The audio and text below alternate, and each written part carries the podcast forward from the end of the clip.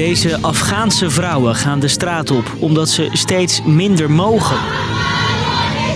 Werken, dat is voor vrouwen verboden. Naar school of de universiteit mag ook niet. Vrouwen mogen zelfs geen wandeling maken in het park.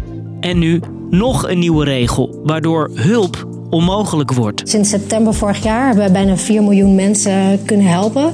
Dat hadden wij nooit kunnen doen zonder onze vrouwelijke werknemers. En ja, dus de, de impact is, is ontzettend groot. Ik ben Marco en ik vertel je hoe de Taliban steeds meer rechten van vrouwen afpakt in Afghanistan. Lang verhaal kort. Een podcast van NOS op 3 en 3FM. Even terug naar 2021. It's time for American troops to come home. Westerse troepen trekken zich na 20 jaar terug uit Afghanistan. Afghanen bestormen in paniek het vliegveld om het land te ontvluchten. Terwijl de Taliban in steeds meer steden binnenrijdt. In no time nemen de extremistische islamitische strijders het hele land over. In een persconferentie belooft de Taliban-leider: Wij zijn niet meer zoals vroeger. Sterker nog, hij zegt dat vrouwenrechten gerespecteerd zullen worden, omdat ze het belangrijkste onderdeel in de samenleving zijn. Dat is een flinke belofte. Maar die belofte blijkt niks waard. Maanden na de machtsovername voeren de Taliban toch steeds strengere regels in. Meisjes mogen niet naar school, vrouwen moeten hun gezicht bedekken als ze naar buiten gaan. En er zijn zelfs berichten over het verkopen van kinderen. En daar houdt het niet op. Afghaanse vrouwen krijgen het steeds zwaarder te verduren. Ik ben ook in Kandahar geweest en dat is een hele conservatieve provincie.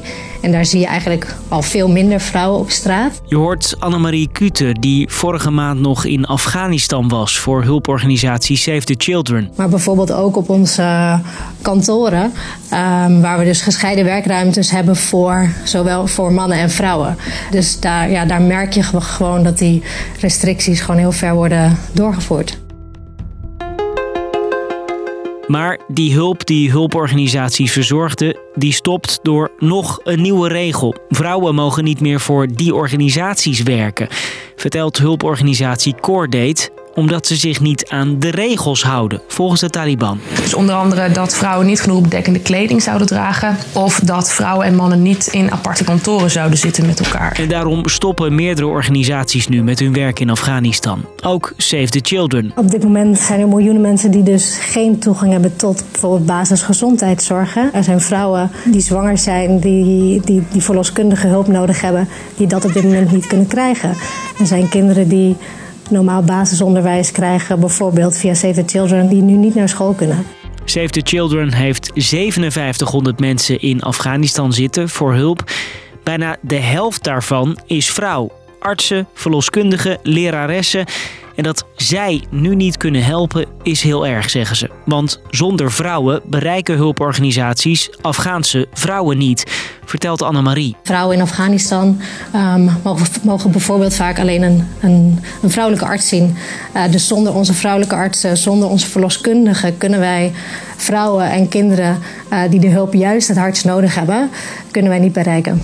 En die hulp geven is voor vrijwel alle hulporganisaties niet meer te doen. En dat terwijl Afghanistan het zo hard nodig heeft. Te weinig eten in Afghanistan aanwezig. 70% van de bevolking is afhankelijk van humanitaire hulp. Ja, miljoenen kinderen hebben hulp nodig. Uh, er heerst ook enorme droogte. Er, is, er zijn heel veel kinderen zijn ondervoed. Ja, er is een groot tekort aan alles.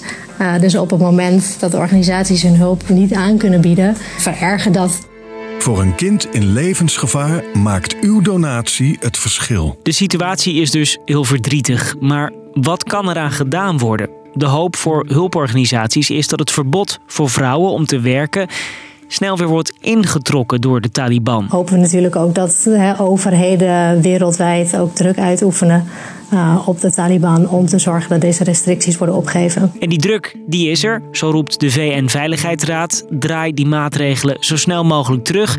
En ook westerse landen willen dat de Taliban de nieuwe regels snel terugdraait. Maar de vraag is, of dat gaat helpen. Ik denk dat we met z'n allen de hoop moeten houden, de dialoog aan moeten blijven gaan. Um, en, en, om ze in te laten zien dat, hè, dat deze hulp, humanitaire hulp, echt essentieel is voor een heel groot deel van de bevolking. Salam khidmat hamagi. Ondertussen komt er ook druk vanuit het land zelf. Sommige vrouwen proberen hun stem te laten horen, zoals hier in de hoofdstad Kabul. Maar de Taliban ontkent dat vrouwen zich verzetten en slaat zulke protesten snel neer. Dus, lang verhaal kort. Vrouwenrechten in Afghanistan zijn nog verder ingeperkt. Vrouwen mogen ook niet meer werken bij hulporganisaties. Terwijl ze daar essentieel zijn. Zulke organisaties zeggen daarom nu: wij stoppen met onze hulp. Want op deze manier kunnen we niks meer betekenen. Intussen gaan sommige vrouwen de straat op en is er ook internationale druk. Maar of dat voor verandering zorgt, is nog maar de vraag. Dat was de podcast voor vandaag. Elke doordeweekse dag rond 5 uur verschijnt er weer een nieuwe in je app. Thanks voor het luisteren.